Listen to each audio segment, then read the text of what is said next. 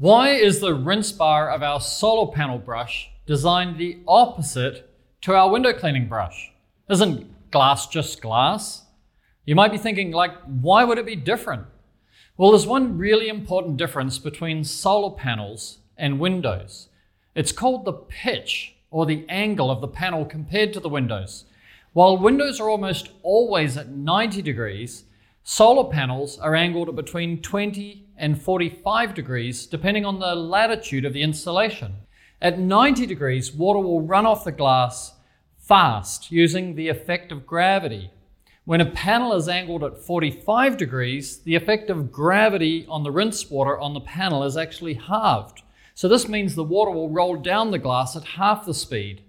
And to make matters worse, the dirt may fall to the bottom of the rinse water and potentially stay on the panel, leaving dirt spots.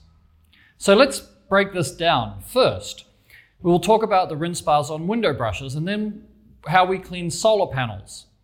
And then you'll learn why it is not as efficient to use a window cleaning brush to clean solar panels. Could our industry approach to cleaning solar panels be wrong and, in fact, need to be turned upside down?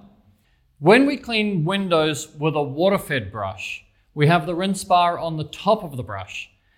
That's because when spot free water is last on the glass, then the windows will dry spot free.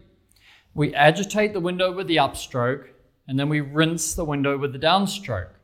Now, with a properly designed rinse bar, we can leave the brush on the window, relying on gravity to pull that rinse water off the window. Now, it might look the same with solar panels, but it's not. We still agitate the solar panel with the upstroke and rinse with the downstroke.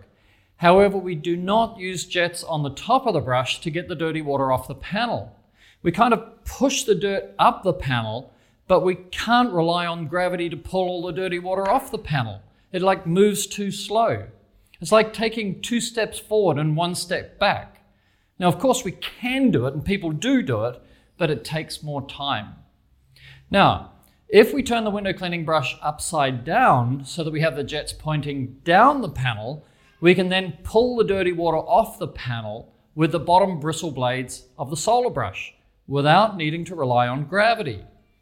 And that's why we set up Solar Rocker with most of the jets on the bottom of the brush.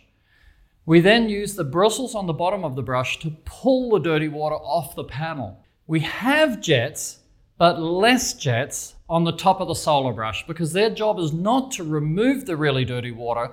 It's more like a, a polishing rinse, leaving the solar panel spot free. And here's something else you can consider you can actually change your cleaning technique.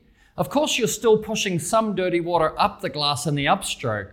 So you're either going to push that water over the top of the panel or stop a little short of the extreme edge of the panel and lift the brush slightly at the top of the stroke.